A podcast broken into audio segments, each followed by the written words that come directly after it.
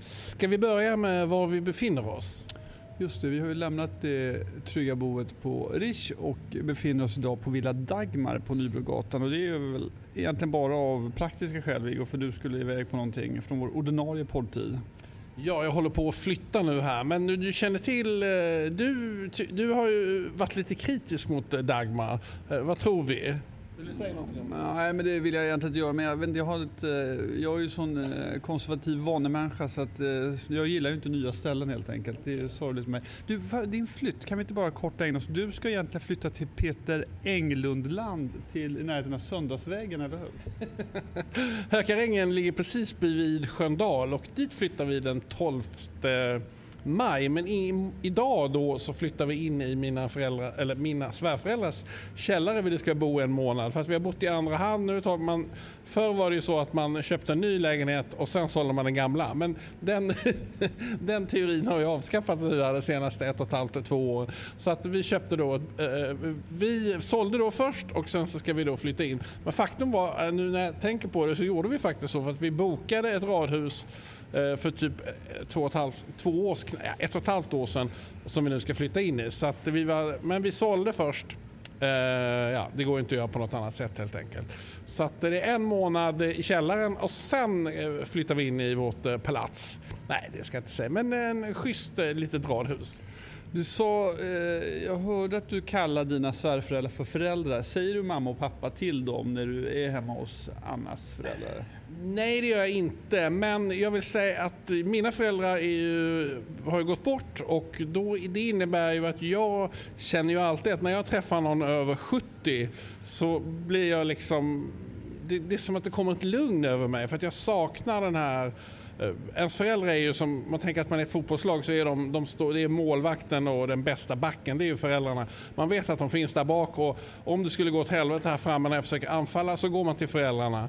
Och när man förlorar det så blir det som en stor, eh, ja det är ett stort hål i ens liv. Och om man då eh, har förmånen som jag träffar ett, en fantastisk underbar kvinna och sen två, hon har två underbara föräldrar som är sådana som Ja, men du vet, om man är hemma hos dem och vill, vill ta en öl, då går man till kylskåpet och öppnar dörren och tar en öl. Det är liksom ingen...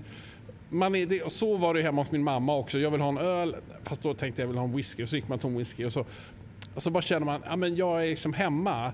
Det är en väldigt... Eh, ja, det är en... Och, för dem, och det här är något som jag tänker ofta på, att de som har föräldrar, att de inte förstår vilket otroligt värde det här är. Det där tycker jag är en klyscha. Varför skulle... Jag upplever inte alls att... Ja, men de gnäller på sina föräldrar, de här människorna. De borde respektera föräldrarna och älska dem. För när de är borta så helvete, alltså det är skitjobbigt alltså. Ja men det tror jag, men man kan ju också förbereda sig på att eh, eftersom vi, det här, döden kommer ju alltid, framförallt med äldre människor, det verkar ju alltid komma som en chock för nästa generation. Oh, mina föräldrar var 85-90 och nu är de plötsligt borta. Plötsligt borta, det, det, är det någonting man måste kunna arbeta med intellektuellt för att förstå det. Och med det sagt då, njuta av stunden, ta tillvara på tillfällen ta tillfällen i akt att prata och så vidare. Men du, jag vill stanna kvar hos dina svärföräldrar. Det, det här kommer bli ett avsnitt som mest handlar om dig eftersom du också håller mikrofonen. Men du är ju gammal fängelsekund, vet de om det? Nej, jag tror faktiskt inte att de vet det. Men... Eh, de vet alltså inte det. Men då tänker jag så här, när du flyttar in hos dem nu, du ska bo där i en månad. En månad i, man brukar säga att eh, mjölk och fisk och gäster börjar lukta efter tre dagar. Du stretchar det här 27 dagar till, eller 28 beroende på vilken månad det är. Hur ser du på det? Nej, men jag är inte så jätteorolig för det. För jag tror eh, de, eh, vad heter det, de har ju haft eh, fem barn. Och det innebär ju att det liksom nästan alltid är något barn där. Och sen så nu så har Annas äldsta dotter bott där ett tag. Så att nu är hon i fjällen så att vi kan få bo där istället. Men men de, jag tror att de, de älskar sina barn och eh, jag tror inte, ja men de har väldigt, eh, de älskar sina barn och för dem är det självklart, eh, familjen är liksom och i den här miljön där man älskar sina barn så kommer det plötsligt in en person som har suttit i fängelse som hotar idyllen, som hotar möjligheten och som dessutom går och tar öl i tid och otid utan att fråga. Alltså, jag ska säga att eh, åtminstone en av de här personerna lyssnar på podcasten och är ganska kritisk till dig för att du intar en ganska mästrande hållning gentemot mig. Så att jag tycker, eh, ja du kanske inte är välkommen där även om eh, Eh, många andra är det. Alltså det här med mästrande hållning. Vilken hållning ska man inta till dig tycker du? Om inte en mästrande hållning när det kommer till en del av liksom, de dumheter du håller på med. Det är klart att du måste mästras. Det har blivit liksom en av mina livsuppgifter att mästra dig. Och då ska jag... Ska du ställa en fråga Då här? ska jag citera, ska du tala om för mig om ställa frågor? Du sitter ju bara och eh, pratar självklarheter. Då vill jag säga, då vill jag rikta mig direkt till Anna Kavnings mamma, din svärmor och säga så i Bibeln står det där man älskar agar man, det gäller även mitt och Viggos relation. Eh, Vi går tillbaks till, eh, på riktigt nu, Söndagsvägen, hur långt är det därifrån till um, dit du ska flytta? Ah, kanske 700 meter. Jag tror det är någonting. Hökarängen ligger ju på andra sidan eh, motorvägen eller Nynäsvägen så att det är en liten bit bort. Sköndal är ju lite som en ficka mellan de två olika eh, gröna linjerna så att du kan inte ta gröna linjen till Sköndal. Så att det är liksom lite, det är skjutningar runt hela området men inte i Sköndal sådär jättemycket. Så att det, där är det liksom som en vad ska jag säga, lägre medelklass-idyll. Eh, men du, eh, eh, förlåt, om man åker då mot Nynäshamn, då bor du på vänster sida eller höger sida? På vänster sida. Man kan säga bakom eller nedanför Skogskyrkogården kommer det vara. Du har ju varit synonym med eh, Mariaberget och Södermalm i eh, 25 år, höll jag på att säga. Något sånt, va? Nu ska du för första gången, och även bodde i Malmö bodde du inne i stan va? Här bodde du lite Nej, vi, bodde, vi bodde i en förort när jag var liten men sen flyttade jag in till stan. Så. Men nu ska du lämna innerstadspulsen och om en månad så blir du eh, radhusägare. Hur känns det? Nej, men det är ju väldigt eh, blandade känslor. Det är ju väldigt... Eh, nej, men jag har alltid sagt att eh, ska man flytta till Stockholm så ska man bo inne i stan. För bo i en förort kommer man lika gärna bo i en förort eh, i Borås eller Motala eller Malmö eller någonting sånt. Men och det är ju fakt- där är det mycket bättre att bo i en förort för att det är så jävla nära in till stan. Här är det lite bökigt att ta sig in till stan. Men, ja, men jag känner att livet innehåller många olika moment och nu är det som ett nytt moment. Eh, det ska bli väldigt spännande att se hur det går. Jag tänker jag ska köpa motorcykel och burna runt lite och ja, lite wildlife där, ska man slag på grannarna och sånt där. Så att, eh, ja, men det ska bli spännande och jag tänker så att eh, nu är det tio år här och sen drar vi till Sydafrika. När du är 64. Precis, 64. Det tycker jag verkar supercoolt. Bo i Sydafrika 10 år och sen kommer det barnbarn och då åker man hem. När din svärmor säger att jag mästrar dig, försvarar du mig då? Eh, nej, det gör jag inte. Jag, eh, alltså jag tycker ju att det är väldigt spännande att vara med dig och prata med dig. Jag, jag, tycker inte, jag har ju inte valt dig för att du är liksom en snäll och gullig person utan för att jag tycker att resultatet av det vi gör är väldigt spännande. Jag säger inte att det här är spännande, den här podcasten, men när vi var på Resumé var det väldigt spännande. Och det är sådana människor som jag känner mig väldigt attraherad av. att ja, men vad, Jag är tillsammans med dem, vi jobbar tillsammans, det kommer ut någonting. Eh, det kan komma ut någonting som är spännande. Jag tycker, åtminstone när vi var på Resumé, att det var så. Jag känner Ja, men jag tycker det är roligt att hålla på med podcaster med dig. Men det är ju inte för att eh, jag tänker att du ska stryka mig medhårs. Så att på det sättet kan man säga att jag försvarar dig lite. Du, ska vi bara avsluta det här med fängelset? Har du någon fråga om fängelset eller? Hade du någon relation med någon av de manliga fångarna? Nej, det hade jag inte. Utan jag var i fängelse två veckor för värnpliktsbrott och då läser man Stephen King-böcker och porrtidningar och sen så åker man hem. Det var, detta var Skänningeanstalten som då var betydligt mildare än vad det är idag. Jag är ju uppvuxen rätt nära Skänningeanstalten, Eller nära och nära, men någon, någon mil ifrån. Så jag har åtminstone sett den växa, växa fram. Var du rädd någon gång i fängelset? Vad sa du? Om jag var rädd? Nej, jag var, inte, jag var inget alltså detta, Jag var ju alltså 19 år gammal. Jag hade glömt. Jag åkte till Sovjet och rev järnridån. Och tacken blev två veckors fängelse av det svenska systemet. Så att, eh, och sen efter det så var jag livrädd för att nu kommer den här fläkten. För när vi ska byta och sätta oss där. Ja, men eh, vi flyttade oss på grund av en fläkt, men nu fläkten slutat. Järnridån, du rev järnridån sa du. Jag rev järnridån, ja. Någon måste göra det. Stämmer. Det var jag och Usama bin Laden och Ronald Reagan.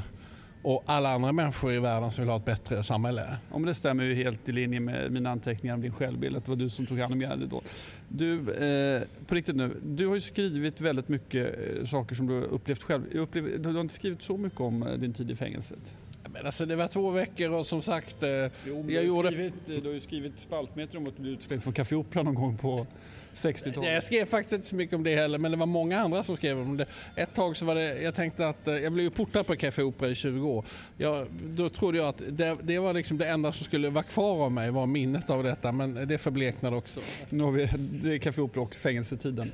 Du, den här veckan Viggo, har, eh, har, eh, vi läser ju torsdag nu och det var en intervju med Carola Häggkvist i, var det Svenska Dagbladet den var publicerad från Det var i Svenska Dagbladet, den, den kom ut på nätet på lördagen och på söndag söndagen gick den, var den i papperstidningen och på måndag kom Alex Schulmans attack och sen så har väl, det är väl nästan präglat veckan fortfarande. Briljant påskpublicering och påskbråk får man ju säga med, med, med Carola. Har du träffat Carola någon gång? Jag har nog inte träffat henne, men jag har sett henne live några gånger och eh, nej men jag var på Pontus in the Greenhouse var det inte utan Pontus i DN-skaparens nya bar. Då var hon där eh, på någon invigning häromdagen. Alltså hon eh, fyller ju ett rum eh, ganska bra. Alltså. Är du kompis med Carola? Nej, jag skulle inte säga att jag är kompis med henne, men vi har jobbat med varandra vid ett tillfälle och då gjort lite förberedelser och sådär. Jag skulle säga att jag vet vem hon är, jag tror inte hon har aning om vem jag är. Men, och du har rätt i, det finns någonting med henne i hennes närvaro som jag måste säga att jag blev otroligt tagen av. Jag är ingen Carola-fan eh, på något sätt. Eh, så att jag börjar från rätt låga nivåer men när hon tittar på den och säger att jag skulle vilja byta några ord med dig. Då har man så att säga inga problem att avbryta det man gör och säga så här, jag lyssnar Carola, jag lyssnar gärna. Eh, det är ju intressant med också den kritik som, om vi struntar i kritiken först så tänker man så här, Carolas roll i den svenska offentligheten tycker jag egentligen är, saknar ju motstycke för att den produktion hon har gjort, det är ju fem, sex låtar. Hon har ingen upplever jag, någon jättelåtskatt. Men i det här sammanhanget hon och jag jobbade ihop också, när hon eh, visar sig och börjar sjunga, folk blir fullständigt som galna. Och igen, jag tror att det är 5-10 låtar som hon verkligen, som folk känner till. Det är ju rätt unikt. Eller vad är din bild att hon har en, en, bredare produktion än det? Nej, utan hon har några låtar och sen så är det ju de här tävlingsresultaten och Eurovision och, och sen så är det ju hela hennes liksom uppenbarelse som är ju Nej, men man säger ju det här att Gud bor i musiken och, och, i Carolas fall så är nog Carola ganska övertygad om att Gud bor i hennes sång. Och, och alltså, så det här religiösa som... Eh, det var ju intressant i artikeln för att det var ju många de som är, min, min fru är lite yngre än mig och för, för henne var ju Carola liksom en, en stor idol. Och, och, för mig var, när jag hörde att Carola, jag, jag minns ju när hon var med där i Främling och jag läser Bibeln. Då bara, fy fan vilken jävla tönt tänkte man. Eh, det, det, det är liksom så att jag, var, men jag kan ju känna, eh, ja, men nu när hon är, du känner ju att hon är ja, men hon är ju någon slags, eh, på något, ja, men en super, Sveriges enda liksom superstar. Sveriges enda superstar, men som formel betraktat så borde inte det funka. Alltså, eh, det hon har gjort, det, det jag kan se möjligtvis skulle funka, det är att hon började så tidigt. Men, men annars hon har vunnit Melodifestivalen väl två gånger, eller Eurovision en gång. Det kommer jag ihåg, hon vann främ, eh, nej, förlåt, eh, stormvind, eh, ja. Fångad av en stormvind. Mm. Men igen, Charlotte Pirelli måste väl ha gjort motsvarande resa fast hon började så mycket äldre. Carola borde inte funka, men det funkar. Alltså funkar big time. Mm. Och när hon då, det här eh, eh, naturbarnet, det yrvädret ger sig in helt plötsligt i den svenska migrationsdebatten. När du läste den artikeln, kände du då så här, äntligen någon som säger som det är eller tänkte du äntligen, eller ytterligare vansinne?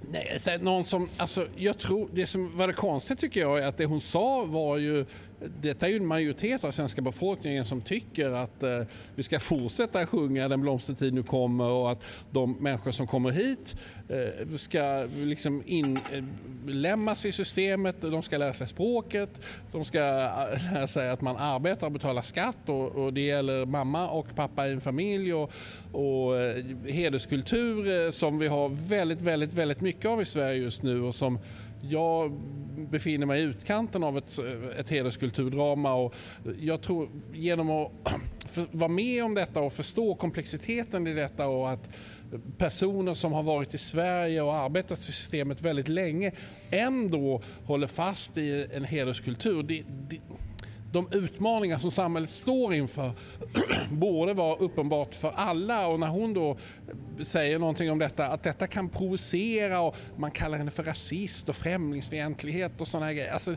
du vet, jag blir helt... Eh, jag blir ledsen. Vi lever ju i, i Sverige är ett typiskt land. Vi pratar ju sällan om hur saken är i Sverige. Vi pratar om hur vi skulle vilja att det var eller hur det, vi skulle vilja att det var eller hur det borde vara. Och så yeah. utgår vi från den punkten i diskussionen. Eh, tror du Carola då, i, med hela den här bakgrunden som vi var inne på, när hon som sanningssägare, blir det för mycket då? Tänker man om till och med Carola tycker det här Ja, men alltså på något sätt så är det så, Carola, eh, alla tänker att Carola lever uppe i det blå men nu visar det sig att Carola faktiskt har lite koll på hur samhället fungerar. Jag har ju en, en fru som arbetar i vården så att jag får ju rapporter från hur det funkar i vården på olika ställen. Och jag, under min tid som, när, under, när covid, när allting, jag tänkte nu går det åt helvete, nu måste jag göra något annat, då jobbade jag lite som lärarvikarie under en period. Och man kommer ut och jobbar som lärarvikarie, vilken bild man får av Sverige och de enorma utmaningarna utmaningar som landet står inför. Alltså det, det här som kallas för eh, Jimmy Åkesson moment, alltså att vara ute lärarvikarie på en friskola där man har sopat ihop de här eleverna som inte kom in på gymnasiet på vanliga betyg utan ska hållas i någon slags, eh, jag glömde bort vad det heter nu, men de, de här eleverna som de är för dåliga för att gå i en vanlig gymnasieskola så man, ska, man samlar ihop dem i ett gäng och så ska man försöka undervisa dem på något sätt. Att leda en sån klass, det är ett Jimmy Åkesson moment. Och jag säger inte att de här människorna är de är, många är jättefina och det är fantastiska men de utmaningar som finns i ett rum att samla människor från hela världen eh, i en svensk skolstad och lära dem svenska och matte och engelska och, och ingen kan prata svenska. framförallt kan man tycka att de här eleverna som, som du säger är utsatta, jag skulle inte säga att de är dåliga men de har betyg som inte räcker. Varför kan de inte få en riktig lärare utan en gammal kåkfarare som har varit redaktör i många år? Ja, varför kan de inte få en riktig lärare? Man kan säga att, att att, att, att integrera dem med det svenska samhället så att de blir svenska skattebetalare, det är en process som tar flera generationer. Och då tror jag att om man håller på eh, liksom eh, och, och, och, blir du orolig om vi sjunger Blomstertid nu kommer i kyrkan? Om, om, om det är det som är, anses vara utmaningarna, då har man inte förstått någonting om det svenska samhället och de utmaningar som, som vi står inför. Och det känner jag att de som har kritiserat de här... Var, men, men kan vi gå tillbaka till grundproblemet? Grundproblemet är ju inte att Carola har en eh, uppfattning om de här frågorna. Grundproblemet är ju att eh, väldigt många människor som har kommit hit har väldiga svårigheter. Det finns ingen plan för hur de ska anpassas in i det svenska samhället. Istället har vi övertagit en amerikansk eh, ideologi, Black Lives Matter och sådana grejer som inte har någon relevans i det svenska samhället. Och, och det där är det som att debatten handlar om. Nej, skicka ut de här människorna, alla de här människorna som har eh, kritiserat Carola. De borde ta en vecka som lärarvikarie på de här ställena när jag var på. Det, och sen kom sen berätta tillbaka, kom tillbaka och berätta, hur upplevde ni det? Du är skåning? Ja. Yeah. Är alla skåningar sverigedemokrater? Ja, nej men det är så här, jag har försökt debattera de här frågorna lite tidigare och då slutar det alltid med sånt här, är du sverigedemokrat? Eller, nej, jag är socialdemokrat. Du är socialdemokrat? Jag är socialdemokrat. Jag röstar på Socialdemokraterna eh, och eh, min fru är medlem i Socialdemokratiska arbetarpartiet. Så att, eh, Den här podden börjar mer och mer handla om din fru tycker jag. Men eh, vi tänker så här, samhället, om vi, vi, vi, det här är en så bred fråga men vi går tillbaka nu. Så här. Carola känner sig nödsagad att skriva en rätt avancerad dementi av artikeln i Svenska Dagbladet. Det hon uttrycker, upplever jag att hon uttrycker, att eh, intervjun kommer att handla om något helt annat än som var förbestämt. Hon, jag skulle inte säga att hon skriver att hon blivit lurad men jag tycker att den andas att här, de lurade in mig på det här spåret. Och det är väl egentligen dementin och efterspelet som har delat upp folk också i, ja äntligen som vi var inne på, Carola eh, har rätt, du kallar det ett Jimmy moment eller eh, Carola, vad fan håller du på med? Såg senast nu att, och det måste vara dödsstöten för henne själv, att hennes exman Runa Sörgård har gått ut och sagt låt dem inte piska dig, vilket fyller mitt huvud med så mycket konstiga bilder så det är inte klokt. Eh, gör Carola rätt nu? För att hon står ju i skiljelinjen. där hon skulle kunna hävda, eller skulle göra valet att hon står för sina åsikter eh, om det nu är de åsikter hon har, eller eh, hävdar precis tvärtom. Men hon, hon hamnar i ett dilemma eftersom hon har satt fingret på någonting och nu vet hon inte om hon ska bekräfta den bilden igen eller dementera den. Vad tror du? Alltså jag vet inte, jag tror att det här går tillbaka lite till eh, den här vad ska jag säga, vänstern, socialdemokratin, DNs eh, kultursida, Aftonbladets ledarsida där man på något sätt har väldigt svårt att acceptera ja, men den nya regeringen, den nya samhällsordningen och där det här liksom gamla, ja men om vi bara bannar alla som hyser åsikter och sverigedemokratiska funderingar, om vi bara bannar dem så kommer de försvinna. Men sen är ju inte det här... Och det, det, det är där jag tror att nu, där har Carola liksom landat i detta. Jag hade hoppats på att vi, vi hade kommit lite längre, att ja men alla sverigedemokrater är inte rasister. Att använda det ordet rasism och främlingsfientlighet, det, det är det som på något sätt förstör hela... Ja, kan vi inte prata om problemen istället, hur vi ska lösa dem? Det står väl egentligen inte heller mellan olika partier nu, för det du kallar sverigedemokratiska åsikter, det är ju rätt många partiprogram, inte alla, som, som anammat de åsikterna. Det här handlar egentligen om ett slag mellan, i det här fallet då, en artist och journalister, ledarskribenter, politikerna kan man ju nästan eh, lämna bort. De är ju hyfsat överens ändå. Ja, ja, give or take. Men till och med ditt parti, Viggo Kavling, Socialdemokraterna, har ju ändrat sin hållning i flyktingfrågan.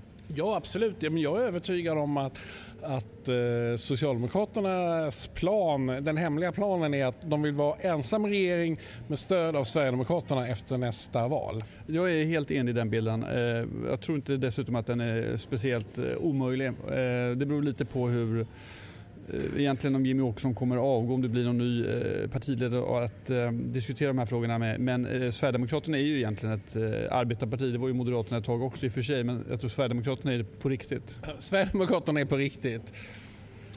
Eh, hur kommer det här bråket med... Nu är väl den här då, om vi läser nu att det är torsdag idag. Eh, det här bråket har väl ebbat ut hyfsat. Tror du Carola är rädd för att på något sätt bli politiskt märkt av det här bråket? Ja, ja men jag tror Carola hon Alltså hon hör ju inte hemma på barrikaderna. Hon hör ju hemma på en, eh, en scen där det är människor som sjunger och alltså en gospelkör. Och... Jo, men Carola är ett, eh, alltså glöm inte bort hennes bakgrund. Hon, hon kan se en eh, missionerande tanke. Hon har ett budskap som kanske inte varken du och jag söker eller förstår. Men jag tror i den kristna världen så tror jag man ser henne som en, en person på barrikaden. Jo men, jo, men jag tror, alltså, men kristen, du vet när jag hör kristen blir jag lite orolig sådär. Eh, ja. Jo, men det är för att det är ett begrepp som du och jag har svårt att relatera till. Ja, men vi tror inte på Gud. Vi tror att, eh, att det är massa sagor som man har hittat på för 2000 år sedan. Att de skulle vara relevanta idag. Det är obegripligt för rätt många människor. Ja, sen kan du tycka kanske att du, ja för rätt många människor, jag vet inte om du, men du tycker det är väldigt burdust. Eh, men jag tror gärna att man kan eh, se Carola på det sättet. Hon är en... Jag tror, jag tror man kan se henne som budbärare och jag tror att eh, det finns ju personer som har gjort samma resa som Carola. Christer Sandelin, vad heter han sångaren i The Boppers va? The Boppers heter han. Ja, men alltså de här, det är ju, de vill ju inte hon hamna i samma... Exakt min poäng. Eh, är den här frågan lika är situationen lika allvarlig här? Fallhöjden är betydligt större för Carola än för Christer Sandelin. Det ska vi inte jämföra. Men samhället har ju också ändrats eh, sen, sen Christer Sandelin yppade liknande åsikter. Jag tror, eh, nej det här kommer att glömmas bort. Det är så fascinerande, samhällsdebatten idag går i sånt fruktansvärt eh, tempo. Eh, jag minns ju när jag var på Resumé för 10-15 år sedan, då kunde man ju liksom Ja, men en blogg eh, och, och, eh, en liten medietidning kunde man ju dominera debatten. Nu måste man ju, om man inte är liksom uppe ur startblocken två timmar efter Carola-intervjun har publicerats, men då är man ju, vi är ju liksom efter bollen nu. Vi sitter här fem dagar efter publicering och pratar om det här. Vi, vi framstår nästan som lite korkade över att liksom prata om något som hände för fem dagar sedan. Det är så fruktansvärd hastighet och det gör ju att allting mals ju ner i, i minneskvarnen och, och, kommer ut som, som luft och, och, det tror jag om två veckor man frågar åh Carola hon gav någon intervju. Ja men det var jätteskönt och vad glad jag blev av det. Och bara, det var något där med den artikeln som glömt bort det. håller jag med dig helt och hållet om det. Men samtidigt så har vi ju sett de här åren som har varit nu hur personer har blivit snabbt cancellade för att man uttrycker kritik som man inte ska göra i Sverige. Där vi pratar om hur är ett problem eller hur skulle vi önska att verkligheten vore. Och jag tror att på samma sätt som du säger att saker går väldigt, väldigt fort nu så finns det ju som sagt, personer blir också brännmärkta som har varit ute i debatten och så att säga haft fel åsikt. Men du upplever, och det gör nog inte jag heller, att Carola ligger risigt till här. Nej, hon kommer att klara sig. Ska vi ta nästa ämne? Eh, just det, vad var nästa ämne nu igen? Nej men jag har ju en Jag teori... försökt beställa kaffe till dig här länge nu men det är ingen som... Men jag, eh, vill- jag är nöjd, jag behöver inte något kaffe. Du be- beställ inget kaffe för guds skull. Jag har redan druckit, eh, jag dricker två koppar på morgonen. Nu kommer han här. Uh, one more coffee please. eh, And one more tea please. And can I have a new cup please? You a new cup, yeah? Yes please. Thank you sir. Du... Ja, men jag tänkte på en annan grej förresten som är väldigt rolig. Som jag tänkte, när vi... Det är väldigt roligt på Rish för att då, jag har ju ett stambord nummer 14 och du har ett stambord nummer 28. Och jag har märkt att det är liksom lite annan stämning vid ditt eh, stambord nummer 28. D- För att du sitter ju precis vid en station där de håller på så att du är mycket mer kompis med personalen än vad jag har blivit. Jag är liksom kompis med Leif och sen så mm, det, är liksom, ja, berätta lite om det. Ja, men jag älskar bord 28 och det finns ett par anledningar till det. Eh, ditt stambord som börjar i den här kurvan. Någon gång för tusen år sedan så skulle jag boka ett bord och då sa Leif, "Jaha, du vill sitta där, där alla ängsliga sitter. Och då tänkte jag så här, nej det ska jag fan inte göra. Jag sitter så långt bort från alla ängsliga. Och då identifierade jag bord 28 längst in på verandan. Som är nära servisen, man, det finns ingen bakom så det är en helt annan, det är mycket lugnare ljudvolym. Och sen så har ju Rish den bästa personalen i stan. Så det är väldigt trevligt om man är lite tidig och sitter och pratar med dem. Och som du säger, jag är ofta tidig. Så sitter man där 10 minuter och eh, alltid någon trevlig som, eh, som eh, ja det är eh, oerhörd livskvalitet måste jag säga. Nej på riktigt är det, jag uppskattar det väldigt, väldigt mycket. Eh, och sen så sitter man ju i fred lite där på ett annat sätt. Du går dit för att träffa personalen och jag går dit för att träffa mina kompisar. Det är skrämmande att ingen av oss går dit för att äta däremot. Ja, men, eh, det var ju jätteintressant. Jag var på någon gång sån utvärdering där stamgäster skulle utvärdera eh, Rish och, och då pratade folk, eh, vi var typ ett möte som pågick en och en halv timme och alla bara pratade hela tiden, alla gäster pratade. Och sen efter en och en halv timme så var det någon som sa eh, från Rish då, "Det- ni har inte sagt ett enda ord om maten. nej, men jag tycker maten är bra men det, det ligger någonting i det du säger att eh, Tack så mycket. Nu kommer kopp- kopparna. Thank you. Har du tänkt på hur, många, eh, hur mycket serveringspersonal i Stockholm nu som inte pratar, eller som pratar engelska? Jag ska inte säga att de inte pratar svenska för jag upplever att de förstår svenska.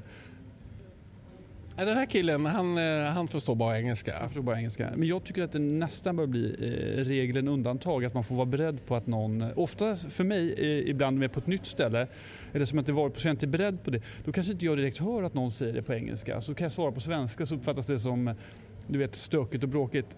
Du har ju vid ett tillfälle gjort ett utspel som blev rätt uppmärksammat där du hävdar att serveringspersonal inte var värda någonting. Ursäkta? Det, detta var på Cirkus Nej, alltså det, det är så jäkla... Det, detta är så... Detta, detta, alltså detta... Nu när du tar upp det här så blir det, det, Då var det så här att jag sa så här och det var, jag citerade Anders Timell, han sa så här att det viktigaste med de som jobbar på servisen det är att de kan le och sprida bra energi. Allt annat kan man lära dem, men om de inte kan le och sprida bra en, energi då, då kommer det aldrig bli bra. Och då var det en person som gillade sådana Downton Abbey-teater och han skrev då att oh, serveringskonsten ut genom toaletten, alltså han analyserade det helt felaktigt och eh, utan att CC mig i Instagram och då blev alla servitriser i hela Sverige, de trodde ju på vad han sa, inte på vad jag sa. Men vad hade du sagt för någonting? Nej men jag sa så här att eh, serveringspersonal, det viktigaste för serveringspersonal det är att de kan le och sprida bra, bra energi. Och, det- och det är liksom det att, och att man som gäst känner sig sedd. Det finns serveringspersonal som är liksom sura och tvära och då stjäl de energi från när man sitter och äter. Men de här människorna som, är, som du jobbar alltså som du sitter de, det tillför, det flödar in i energi och glädje. Sitta där på bord 28 och prata med dem, det är liksom något av det härligaste som finns. Det, det, det är liksom, Alltså jag säger inte att det är dåligt på bord 14 men, men, men, du, har kommit, ja, det, men du har kommit närmare dem och, och jag älskar det och, och jag känner mig att få vara en del av det och vi ska göra linjekock nu här igen och vara en del av restaurangvärlden. Men att det liksom, man ska bocka och buga och sådana grejer, det är ju trams. Ja, men den tiden tycker jag också är förbi. Jag tycker också att det är... Jag tycker det, det uppskattar också det om man, både gäst och personal har integritet. Det vill säga att man kan fråga varandra saker och ting, man kan berätta vad man tycker om mat och så vidare utan att det, man bort den här eh, forna tidens fjäskande. Utan att det finns en, en normal eh, stämning så att säga. Eh, det ska absolut inte vara undergivet på något sätt. Varför söker man sig till Sverige för att jobba som serveringspersonal? Är det så mycket bättre betalt eller? eller det... Ja, nej men det, jag tror att folk kommer från alla möjliga ställen. Och, så, de ju. Sverige är ju ett härligt land att bo i, det är ett härligt land att leva i. Det finns, eh, ja, men, vårt system, eh, nej, men det är ju därför väldigt många människor har kommit hit och väldigt, väldigt, väldigt många människor de som kommit hit är fantastiska, underbara, gör ett fa- fantastiskt jobb och vill bli en del av Sverige. Sen är det en liten grupp människor som inte vill det och de jobbar inte på restaurang. Det finns ju alla som vill ha ett jobb i Sverige får ett jobb. Alltså det finns hur mycket jobb som helst. Ja men här, eh, vi får byta kanal här för batteriet blev fullt. Mycket stök idag. Ja men det är mycket stök idag. Du, ja, men jag kände att kanske...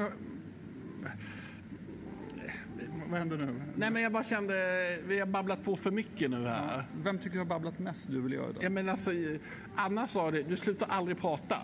Gud, var får hon det ifrån? Otroligt. Ja?